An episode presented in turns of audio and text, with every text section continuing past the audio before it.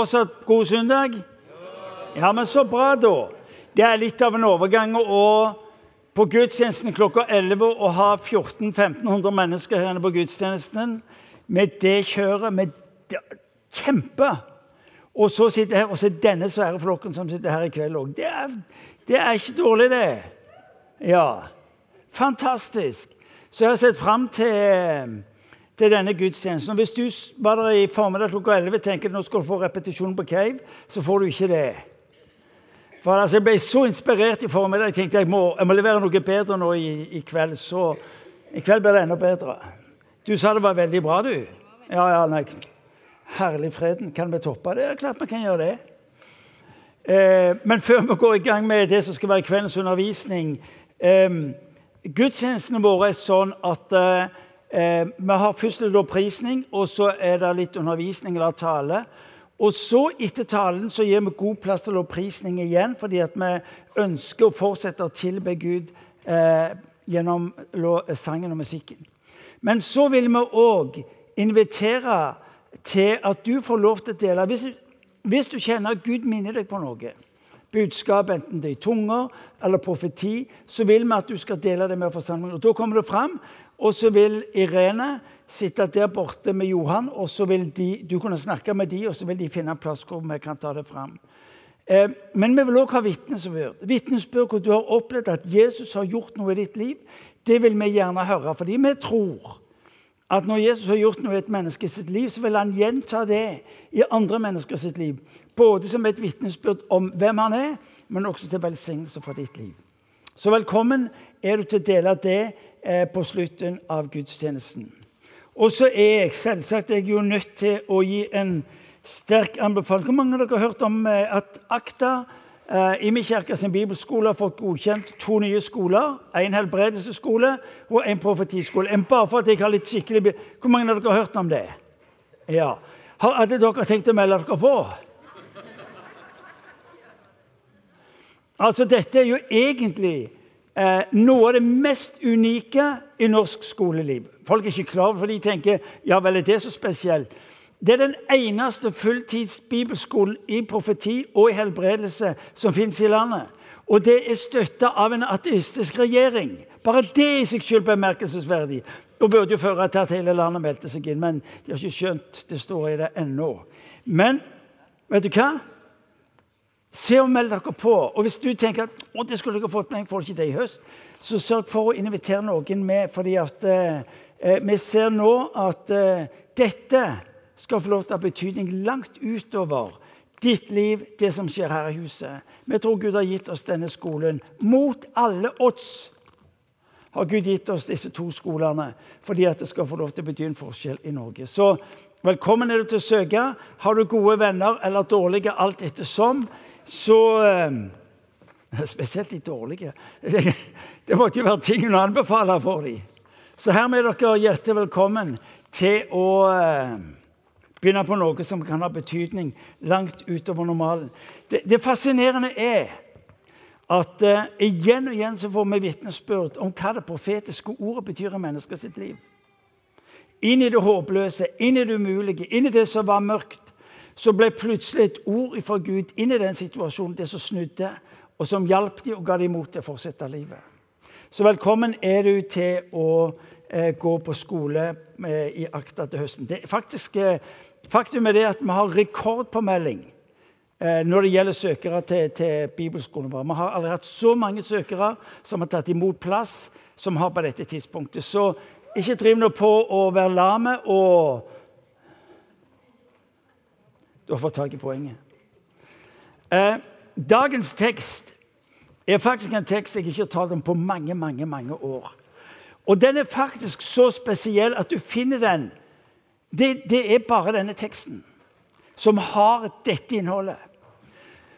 Eh, det er interessant at Når du leser Bibelen, så er Bibelen en presentasjon om hva Gud handler og gjør inni denne verden. Bibelen er en presentasjon av en Gud som elsker. Eh, du og meg er skapt for å bli elska. Det skjønner ikke du og meg. Fordi at livet vårt har på et vis tatt oss på ulike veier. Men som eh, Juliane, er du her? Jeg siterte sangen din i formiddag. Juliane har, har skrevet en nydelig sang hvor en av formuleringene er du er designa for å bli elska. Hva er kirka sin oppgave? Det er å fortelle mennesket at Gud er på leit etter deg for å fortelle at du er elska. Det er evangeliet. Det er kirka sitt budskap kokt ned til den reneste, reneste ekstrakten. Du er elska. Gud ved Jesus Kristus demonstrerer hvor høyt han elsker. For så høyt elsker Gud. Allmaktens Gud. For så høyt elsker Gud at han betaler den høyeste prisen for at ikke noe menneske skal kunne definere seg ut forbi hans kjærlighet. Folkens, Det er kirkas budskap. Det er det du og meg som er Jesu etterfølgere, skal få lov til å ta med oss ut. En Gud som elsker så høyt at ingen pris er for høy. Så det er altså Bibelens budskap til deg og til meg. Og midt inni der er det en beretning som er noe av det mest tiltalende og noe av det mest vakre men også noe av det mest utfordrende og konfronterende som du kjenner til. Det er beretningen om ei dame som har bestemt seg for at jeg ønsker Jeg ønsker å demonstrere min takknemlighet og min kjærlighet til Jesus Kristus. Vi leser om henne i Markus evangeliet, kapittel 14, og vi leser sammen. Fra vers 3. Jesus var i Betania hos Simon den spedalske. Mens de lå til bords, kom de inn en kvinne med en alabastkrukke med ekte og kostbar nardussalve. Hun brøt krukken og helte salven utover hodet hans. Noen som var der, sa forarget til hverandre.: Hva skal denne sløsingen uh, med salve være godt for? Salven kunne vært solgt for mer enn 300 denarer og pengene gitt til de fattige. Og de snakket strengt til henne. Men Jesus sa, la henne være. Hvorfor plager dere henne? Hun har gjort en god gjerning mot meg. De fattige har dere alltid hos dere, og dem kan dere gjøre godt imot så ofte dere vil, men meg har dere ikke alltid. Hun gjorde det hun kunne. Hun har på forhånd salvet kroppen min til gravferden. Sannelig, jeg sier dere, overalt i verden hvor evangeliet blir forkynt, skal også det hun gjorde, fortelles til minne om meg. I en parallell beretning så så lyder det at Jesus spurte du har visst hvem denne kvinnen var. Det var ei dame med dårlig rykte. Det var ei dame hvis liv hadde vært av en slik karakter at uh, var det noe som i hvert fall var sant, så var det at uh, å la en rabbi, en mester, en lærer som Jesus var, skulle berøres av ei dame med en historie som var av det svært betenkelige slag. Bare det i seg sjøl var grensespringende. Men det interessante er at eh, det som skjer med denne dama når hun er opptatt med én ting, for hun er opptatt med én ting, det å demonstrere takk, og det er å demonstrere kjærlighet. Det, vis, det, det er som om hun gir blaffen i hva andre måtte mene eller tenke. Og Det er fire ting som jeg vil du skal få med, som når jeg leser denne teksten, tar meg. Fordi at eh, hun er opptatt med én ting. Hun er opptatt med å gi Jesus det beste. Hun er opptatt med å gi ham det ypperste av det hun har i livet sitt. Det fortelles at denne salven var verdt ei årslønn. Ja, begynn å regne ut ei årslønn i ditt liv i dag. Det ville vært ei årslønn på en 200 400 000 kroner. Vi snakker ikke om noe billig kjøpt i en eller annen matvarebutikk. Vi kjøpt, snakker om salve som var altså foredla på en slik en måte at prisen lå i det nesten utenkelige. Hun har gitt av det dyreste hun har, for å uttrykke en takk til Jesus. Hva er det som skjer når du og meg gir av det beste av fra våre liv? For det første så overrasker det. Denne verden skjønner ikke helt oss som er kristelige. Eh, denne verden tenker helt motsatt. Fordi at denne verden er ikke opptatt med Gud. Og det er godt mulig at det er et av de sterkeste vitnesbyrd til denne verden. Det er når de oppdager noe som er så verdifullt i, i våre liv, at de spør hvorfor i all verden holder du på med det. Hvorfor i all verden er du opptatt med at denne Jesus skal få den plassen som han har? For, fordi vi lever i en kultur som er først meg selv-kultur. Syndens store tragedie er ikke primært det vi gjør som mennesker, men det er dette at vi har plassert oss i Guds sted. Vi har flytta Gud ut, og så har vi plassert oss sjøl i Gud og gjort oss sjøl til sentrum. Noen lurer på hvorfor denne verden er blitt som den er blitt. Ja, Det er ikke så rart. Fordi vi har gjort oss sjøl til sentrum og til utgangspunkt for å skulle forstå denne verden og la denne verden bety å tjene meg. Først meg selv. Og det er så nærliggende. Jeg merker det i mitt eget liv. Du merker det i ditt liv. Når noe skjer, så Ja, hva betyr det for meg? Når noe inntreffer, så Ja, hva betyr det for meg? Når, eh, når vi utfordres på å skulle møte mennesker i nød, som i dag opplever hvert tusener på tusener av mennesker har brutt opp fordi at livet har blitt så vanskelig og begynner å presse seg inn i vårt land, så er det en sånn type frykt. Hvorfor i all verden er vi redde? Jo, for hva vil det bety for meg? Hva mister jeg? Og så betyr disse menneskenes livssituasjon null og nothing. Fordi jeg er livredd for å miste det jeg har. Materialismens gyslige grep den har gjort noe med måten vår å tenke på. Og det sier nå må du passe på og ta vare på det du har, så ingen andre kommer og tar det. Derfor er vi redde for de som er desperate for å få gjort noe med livet sitt. Ja, men jeg mister det jeg har. Først meg selv. Kan du tenke at denne dama som kom inn Se det for deg. Der er de samla i huset til en av de eh, prominente. Kan du se deg for henne? Hun vet hvem hun er. Hun vet også at de andre vet hvem hun er kommer inn i huset, ser inn i rommet, får øye på Jesus der han sitter eller ligger ved bordet, og så tenker hun 'jeg skal nå han'. Kan du se for deg hvordan hun, hun skjønner at dette blir ikke lett, for i det øyeblikket hun trer inn i rommet, så vil jeg si 'Hva gjør du her?' Du passer ikke her. Du har et rykte. Vi menn vet hvem du er, og det gjør hele landsbyen. Og så ser hun rundt i rommet. Og så beveger hun seg mot Jesus. Det er så, det er så sterkt. For hun vet at for hvert skritt hun nå tar, har hun alle som er i det rommet, ser nå på henne. Hun har oppmerksomheten. Og de begynner å lure på hva hun gjør for noe. Hun går imot Jesus. De, hun ser de ser at du beveger seg mot han. Ja, ikke bare beveger seg mot han, men du begynner å ta på han. I den kulturen tar ikke fremmede kvinner på menn. Aller minst tar de på en som bærer tittelen rabbi, lærer, leder, åndelig leder. Og Det fascinerende er det at Jesus lar det skje. Hør nå, Jesus er ikke så fryktelig opptatt med dine grenser de rammene du og meg trekker opp. Fordi han møter mennesker hvor mennesker er ikke hvor de burde være.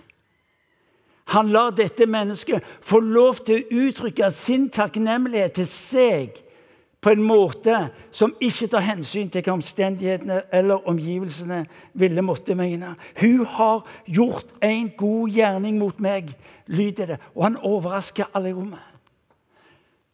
Han anerkjenner det. Han godkjenner det. Han omfavner det. Hør nå.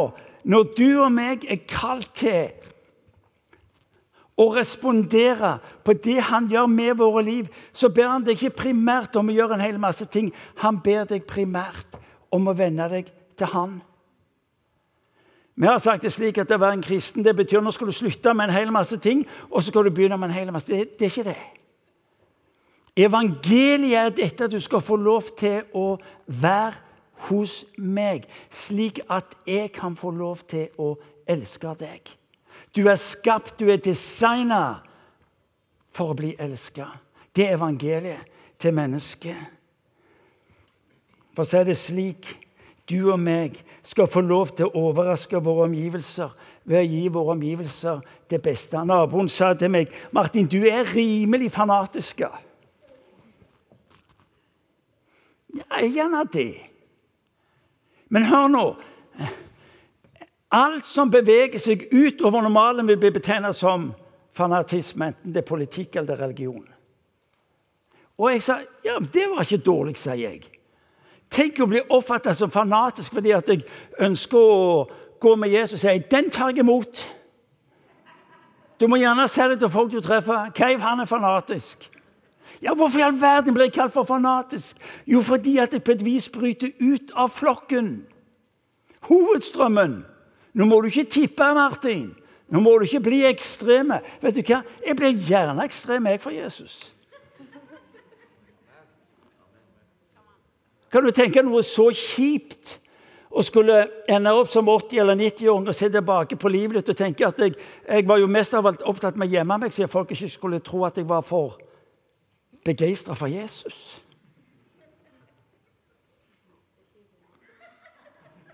Hør nå. Denne verden er trøtt av pinglene. Er dere med meg?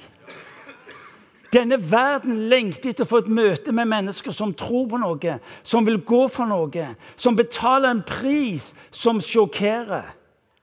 Og Det er jo litt irriterende at ikke Jimmy sjokkerer mer enn vi gjør. Men når det er sagt, så er jo den menigheten i landet som sjokkerer mest, da. Men litt mer.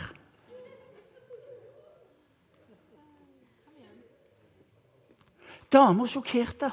Hun overraska de. Ja, men hvorfor overrasker hun de? Fordi hun var opptatt med å fortelle Jesus Takk, Jesus, fordi du har tilgitt meg mine synder. Du har gitt meg et nytt liv. Jeg kan ikke la være å uttrykke det. Det overraskes, men det merkes også. Når du og meg våger å gi Jesus det beste av våre liv, vet du hva, så merkes det. Det er interessant, jeg tenkte på når jeg leste beretningen igjen. Det var meget dyr salve, den var kostbar. Og vet du hva som er greia? Alle i det rommet var etter det, den hendelsen de var preget av det de hadde møtt. De mislikte det eller likte det. Det er uinteressant. Men når de gikk derifra, så var det ei lukt som hang ved klærne deres. Er du med? Det er som når eh, eh, dattera vår var over hos naboen når de var mindre, og kom tilbake igjen, så visste jeg hvor de hadde vært henne. De røykte. Jeg mener ingenting om røyk, jeg mener bare at det er uheldig som ikke gjør det. fordi at, er du med? Det, du har et håp om å leve lenge, og da Ja. Men poenget mitt er jeg visste hvor hun hadde vært henne. For det var noe som hang igjen i klærne. Når, når, de menneskene som var i det rommet som Jesus var i, sammen med den dama, så ville omgivelsene si du, Hvor er det du har vært henne? Jo, jeg har vært hos Simon. Ja, men du, det lukter rart av deg. Det lukter, det lukter, det lukter godt. Hva er det for noe? Vet du hva? Når du og meg begynner å gi ut av det beste av våre liv til Jesus, så vil omgivelsene Du, du det, det, det der var spesielt. De vil oppdage at det er noe som skapes. Lukte og fylte hele rommet. Hver en krok satte seg fast i klærne de som var til stede. Og vet du hva? Det ville merkes i god tid, lang tid etter de hadde vært der. Vet du hva? Når du og meg gir det beste av det Jesus har gitt oss, til Han, så vil det merkes på våre omgivelser. Folk vil begynne å stille nye spørsmål. Folk vil begynne å spørre hva, hva, hva, betyr dette her? Det er så trasig at denne verden har svar på alt som har med Jesus å gjøre. Svar de har fått av det de leste våre liv. Men jeg skulle ønske vi kunne gi de spørsmålene. Kunne de begynte å spørre mer? Spørsmål som tok de inn i en ny type vandring, en ny type undring.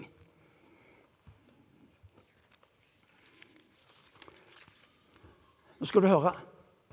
Hvis du og meg vil bety en forskjell på våre omgivelser, så la oss gi Gud det beste. La oss gi han det som han eh, representerer, fordi han har demonstrert livet overfor oss. Jeg sier det overrasker, jeg sier det merkes, men det utfordrer også. Fordi at når, når denne dama velger å gi Jesus det beste, så utfordrer hun omgivelsene. Utfordrer omgivelsene på den måten at de måtte stille nye, nye valg. For denne dama fremstår som en som har en relasjon. Denne Jesus er ikke bare en jeg har kunnskap om, det er ikke bare en jeg har teori om, men det er en som betyr så mye for meg. At jeg passerer de såkalt akseptable grenser. Jeg gir blaffen i hva folk måtte mene, fordi jeg har ett mål. Jesus, la meg få lov til å være nær deg. Det utfordrer. Ja, tror du at du er så mye bedre enn andre? Tror du at du er religiøst kvalifisert til å stå nærme han enn oss andre? Og så har du alt det der surret. Nei. Du skjønner det, sier Jesus, at der hvor synda er stor, der er nåden enda større. Og Vet du hva nåde betyr? Det betyr at det er gitt plass sammen med Jesus. Vi sier at nåde betyr tilgivelse for synder. Ja, det er òg sant. Men nåde er primært at det er gitt plass til å være sammen med Jesus. Hun visste hvem hun var. Hun kjente godt til sitt liv. Men da hadde møtt en som hadde fortalt han alt, og allikevel ikke fordømt henne.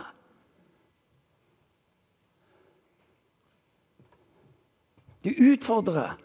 Når du og meg uttrykker takknemligheten som denne dama ved det han har gitt oss, så utfordrer vi. Hun hadde mottatt noe som berørte hjertet hans. Hør, hør nå etter.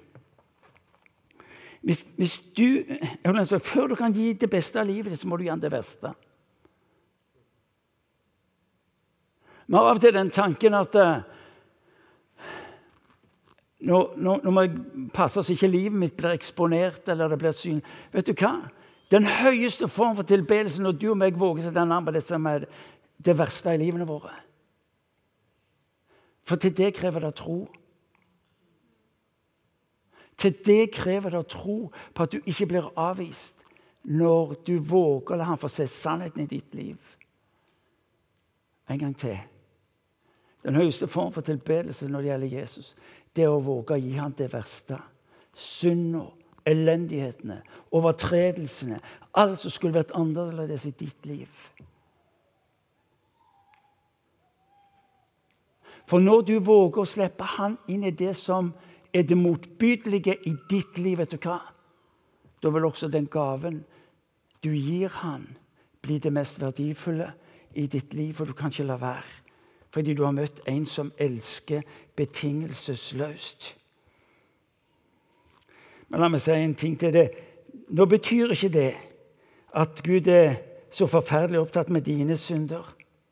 Han er primært opptatt med det nye livet skal få lov til å bli levd. Når du i ditt liv og i din tjeneste gir Gud det beste, vet du hva, så gis Gud muligheten til å gi det beste tilbake til deg. De utfordrer. De utfordrer. Hun har ett ønske. Og Det er derfor jeg tror denne beretningen løftes opp. Hun har ett ønske til Jesus. La meg få lov til å takke deg. Vet du hva tjeneste er for noe? Vet du hva ditt liv skal få lov til å være? Ikke primært gjøre en hel masse religiøse ting. Ikke primært gjøre en hel masse såkalt kirkelige ting. Men ditt liv skal primært få lov til å være å gi takk tilbake til Jesus for hans kjærlighet til deg. Ut ifra det springer alt andre. Ut ifra det springer det vi kaller for tjeneste. Det er interessant at når, når, Bibelen utfordrer oss til å gi, så sies det du skal gi av et villig hjerte. Hvis du ikke gir inn i Guds rike av et villig hjerte, så ikke gi det. Spar oss. Vi vil ikke ha pengene dine hvis du ikke gir av et villig hjerte. Vi vil ikke ha tjenesten din hvis det ikke skjer av et villig hjerte. Er det med? For det blir, det blir plikten, det. Det blir loven, det. Det blir kravet. Nei. Hvis mitt krav til fru Keiv, dvs. den dame jeg har gleden av å være gift med, har vært gift nå i 38 år snart. Hvis hennes relasjon til meg skulle vært basert på plikt, mine krav, det jeg forventa Vet du hva? Noe av det viktigste i mitt liv når det gjelder Irene Cave, det er at det hun gjør, gjør hun fordi hun er glad i meg. Vet du hva? Jeg, eh, jeg har vokst opp med krav om plikten i familien. Det er, det, er ingen, det er, ingen, god måte å leve på. Og Dermed så blir jeg så var, og, og derfor har det blitt så viktig i, i vår relasjon Det at uh, Det vi møter hos hverandre, det, det er ut ifra det vi ønsker å bety for hverandre fordi vi er glad i hverandre. Denne dama var ubegripelig glad fordi hun hadde møtt en som hadde fortalt sannheten om henne, men som ikke fordømte henne. Derfor måtte hun få lov til å gi han. Og så var det plutselig ikke snakk om noen prislapp. Det var ikke snakk om noen prislapp. Når du gir det beste, så utfordrer du omgivelsene. Ja, men det er sløsing, sa én. Vet du hva? Denne verden vil aldri skjønne at du og meg sløser på Jesus. Denne verden vil ha et forhold til at du skal være effektiv, produktiv, sørge for at eh, Og så kommer den lange lista. Nå skal du høre Um, Denne sløsinga er jo meningsløs. Vet du hva? Gud elsker sløsing. Når du sløser tida di på han, når du sløser av tida for å være sammen med han, høre fra han, være sammen på en slik en måte at hans hjerte gledes. Ja, Martin, Hvordan kan du se noe? Jo, fordi Skriften sier noe. At Gud er ikke sånn en religiøs skikkelse et eller annet sted det står at han kom nær. Han kunne jo sendt oss en eller annen religiøs oppskrift hvis det var poenget, men han kom nær. Han omtaler Gud som far fordi at du og meg skal få lov til å forholde oss til relasjonen. Gud er ikke sted et eller annet der ute. Upersonlige kraft. eller hva det Han har kommet nær. Det er jo dette som gjør kristendom totalt annerledes enn alle andre religioner. Fordi Gud har ikke gitt oss en oppskrift. Han kom sjøl. Og når han skulle lære oss å be, så sa han, 'Fader vår'. Er du med meg? Fader vår. Han har kommet nær. Hennes hjerte var på utstilling ved at hun begynner å salve ham med det mest verdifulle hun har i livet sitt. Så vakkert, så nydelig. Og så skal jeg begynne å slutte, kanskje. Det omtales. Alle skal høre om det, sier Jesus parallelt med beretningen om en under, tegn og mirakler, om Jesu soning og død på korset, hans oppstandelse, der er det en beretning om ei dame hvis ryktet var av en slik en karakter at etter datidens måte å tenke på, så skulle hun i hvert fall ikke ha noe med Jesus å gjøre. Tar henne Jesus henne helt inn. Og så sier han ikke rørende. Ikke plag henne. Fordi det hun gjorde, det hun kunne mot meg. Jesus forventer ikke noe mer fra deg og meg enn at vi gjør det vi kan. At vi gjør det vi kan. Irene og meg var sammen med noen andre og ute og ba for folk for en del år tilbake. Og mens vi står der, så kommer ei dame bort til Irene og spør Irene, ja, hvorfor gjør du dette. her? Og Så begynner Irene å fortelle. Jo, fordi vi har erfart Guds godhet på våre egne liv. Derfor ønsker vi å gi dette her videre. Og så ble det en times lang samtale med ei dame som plutselig begynte med nye regnestykker. For hennes bilde av Gud var en Gud som var etter fordi at livet hennes var ikke slik det burde ha vært. Hvorfor? Gjør dere dette fordi vi har erfart at Gud er god, og gjerne deler Han med andre. For å unngå misforståelser Jeg snakker ikke om å være best eller bli best. Det blir konkurranse. Nei, vi snakker om å gi det beste. Hvorfor? Fordi takknemligheten skal få lov til Når jeg gir det beste, så er det noe som skapes i meg, og det er noe som vokser fram. Og du kan stille ja, men trenger Gud det, da? Svaret er ja og nei. Ja, fordi det er Gud. Når du og meg gir Gud det beste gjennom livene våre, med ordene våre, med de ressursene han har gitt oss, så står det, så vil mennesker se, og de vil ære mitt navn. Mennesker vil tiltrekkes. Eh, men Og det andre han trenger ikke det, fordi at eh, han klarer seg godt ut. Og samtidig forventer Gud det beste fordi det ærer hans navn. Hvorfor? Fordi han alltid gir deg og meg det beste. Han gir alltid deg og meg det beste. Skaperverket var godt. Frelsesverket var ikke en, eh, en sjekk som fortalte hva han som skulle betales. Han kom sjøl, hørte du deg sier. Gud har syn for kvalitet. Han ønsker ikke dårlige produkter. Det interessante er at i Malaki i Gamletestamentet så leser du hvordan Gud reagerer på sitt folk. For når de skulle ofre til han og tilbe han, så fant de de dyra som enten var syke, eller som var skrøpelige, eller som i, eh, på en eller annen måte halte eller ikke passa inn. Og han har et oppgjør med sitt eget folk fordi de gir Gud restene av det som de ikke selv har fått lov til å bruke opp. Hør nå, Du og meg utfordres av denne dama til at Gud får det beste. Beste av tida vår, beste av ressursene våre, beste av det han har gitt oss. Det betyr en forskjell i andre mennesker sitt liv. Og vet du hva som skjer? Det at Når du og meg gir av det beste fra våre liv, så er det noe som vokser fram, og det blir mer av det. Skriften sier at den som gir lite, får lite. Men den som gir mye, får mye. Du avgjør sjøl hva slags kvaliteter skal være på ditt liv.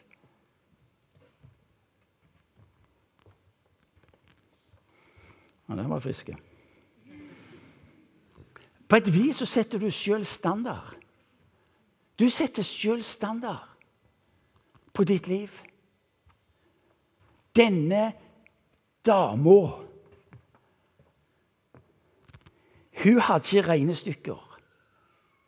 Hun hadde en retning fordi at hun elska. Denne verden bryr seg ikke om vårt religiøse opplegg, men den vil få øye på, og den vil tiltrekke mennesker. Fordi Jesus sier at når menneskesønnen blir løfta opp, står der, ved at vi elsker han, så skal det trekke mennesker til han. Hvordan kan jeg gi det beste av den Gud som er i Herren? som er i himmelen. Jo, Jesus, Paulus sier det, gjør det som, som, du gjorde det for Herren. Og nå må du følge godt med, for dette er noe av konsekvensen. Eh, hvordan kan jeg gi det beste av den Gud som er i himmelen? På den ene sida så har jeg et utgangspunkt. Jeg gjør det fordi jeg vil ha en relasjon med Jesus. Gudstjenesten er en Guds tjeneste. Det er en Guds orientering. Jeg kommer her fordi jeg trenger gudstjenesten for mitt eget. Jeg vil ha relasjon med Gud på så mange eh, områder som det er mulig. Men jeg skal også få lov til å se dette levd ut mot menneskene rundt meg. Nemlig ved å se Kristus i min neste. I Matteus evangeliet, kapittel 25, så leser vi om en Kristus som sier jeg satt i fengsel, og du så til meg. Jeg var naken, og du kledde meg. Jeg var sulten, og du ga meg mat. Uh, Heidi Baker sier det. At uh, du ser menneskene rundt deg, og du ser Kristi ansikt. Hvordan kan jeg tjene Han som denne kvinnen? Jo, det var å begynne å se menneskene rundt meg på en ny måte. Og se Kristus i min neste. Jesus sier hva du har gjort mot en av mine minste, har du gjort imot meg. Og hør nå, ikke kom med et minimumsopplegg. Spør deg selv hvordan kan jeg gi mest mulig inn når jeg møter menneskene. For når du gir mest mulig inn når du møter mennesker, så vil du erfare at ut ifra det vokser det langt mer enn det du trodde var mulig. Gud er ikke fornøyd med at du bare fullfører løpet. Du er ikke frelst for å bli oppbevart på denne kloden fra en gang å dø. Du er frelst fordi du skal få lov til å bety en forskjell. Og hvordan skjer det? Jo, det er at vi begynner å gi Jesus det beste av det han har gitt oss. Og Det skal få lov til å være utfordringen på ditt og mitt liv. Når du går herifra, og så skal du få tenke hva betyr det i mitt liv? Du ser mennesker Ja, det ansiktet du ser, det er Jesu ansikt. Den fattigdommen, den, den, den, eh, det nederlaget, det er Jesu ansikt du ser. Jeg vet ikke hvor mange av dere som har sett filmen 'Skuret'. Den er jo en litt festlig film. Eh, litt sånn teologisk hulter bulter. Men, men, men det gjør ikke så farlig, det. Det er mennesker som, som deler sine bilder av guddommen. Men der møter du også vitnesbyrdet om at når du og meg våger å være Han nær, så ser vi mennesker med Hans øyne. Vi ser mennesker og vil gi dem ikke våre ord av dom, av død og forbannelse, men vi vil gi ord som kommer fra Han. Fordi vi har vært i Hans nærhet på en slik en måte, og så har vi hørt Hans ord på våre liv. Og så bryr vi oss ikke om hva omstendighetene sier, men vi som denne dama som ikke tar utgangspunkt i hvordan kan jeg gjemme meg mest mulig, men hvordan kan jeg mest mulig få uttrykke Jesus, jeg elsker deg.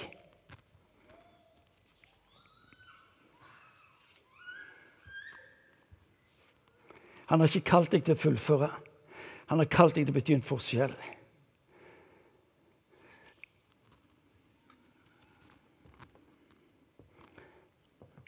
Denne dama husker jeg gjorde inntrykk på meg første gang jeg leste beretningen for mange, mange, mange, mange år siden. Og Det som gjorde inntrykk på meg, det var at hun, hadde ingen regnestykker på hvor mye hun skulle gi henne. Hva de andre måtte mene, eller hva de andre nå syntes om det. Hun hadde ett fokus, og så ga hun på godt norsk blaffen i hva de andre måtte mene. Når du og meg våger å gi Jesus det beste Ikke for å få tjeneste på et eller annet, ikke for å gjøre oss kvalifisert til et eller annet, men bare fordi jeg kan ikke la være. Jeg kan ikke la være. Det var det som drev henne. Jeg kan ikke la være. Vil du skal gå herifra og så vil jeg at du skal se, tenk, se, for deg at de menneskene jeg trenger, som er i de vanskelige situasjonene, hvis liv skulle vært annerledes, og, og de er fiender, og, og, jeg vet ikke hva de måtte være Ikke se fienden, men se Jesu ansikt. Ikke se det håpløse, men se Jesu ansikt. Ikke se det som skulle vært annerledes, men se Jesu ansikt. Og så lærer vi at denne dama, og så gir vi det som er kostbart, inn i dette mennesket sitt liv. Og hva er det du oppdager? Du oppdager at det skjer en forvandling. Det skjer noe i det rommet. Det, det skaper oppmerksomhet. Det utfordrer. Og det tiltrekker. La oss be. Kjære Herre Jesus Kristus. Takk fordi du kom oss i møte en dag og ga av det beste. Kjære Herre Jesus Kristus. Takk fordi at du, du opererte ikke med regnestykket når du skulle berøre og berge, men du betalte den høyeste pris. Far, nå ber jeg for oss som sitter her. Vil du gi oss å få gå med deg på en sånn en måte, Herre, at denne verden skjønner at du er god, at du er Gud, og det fins ingen andre som Javé. Herre Jesus Kristus, jeg takker deg, jeg tilber deg og opphøyer ditt navn. La oss få lov for at det være et folk fra Imi som eh, berører byen og området med slik en måte at mennesker vågte å stille nye spørsmål. Fordi de kjente lukta. De kjente lukta av salven. De, de så en hengivenhet, og de, de så et liv, Herre, som var annerledes. Bare ber, la oss få lov til å være et folk. La oss få lov til å være et folk far, som tilber deg på en slik en måte at ditt ansikt blir synlig. Jesus, vi ber om det i ditt navn. Amen.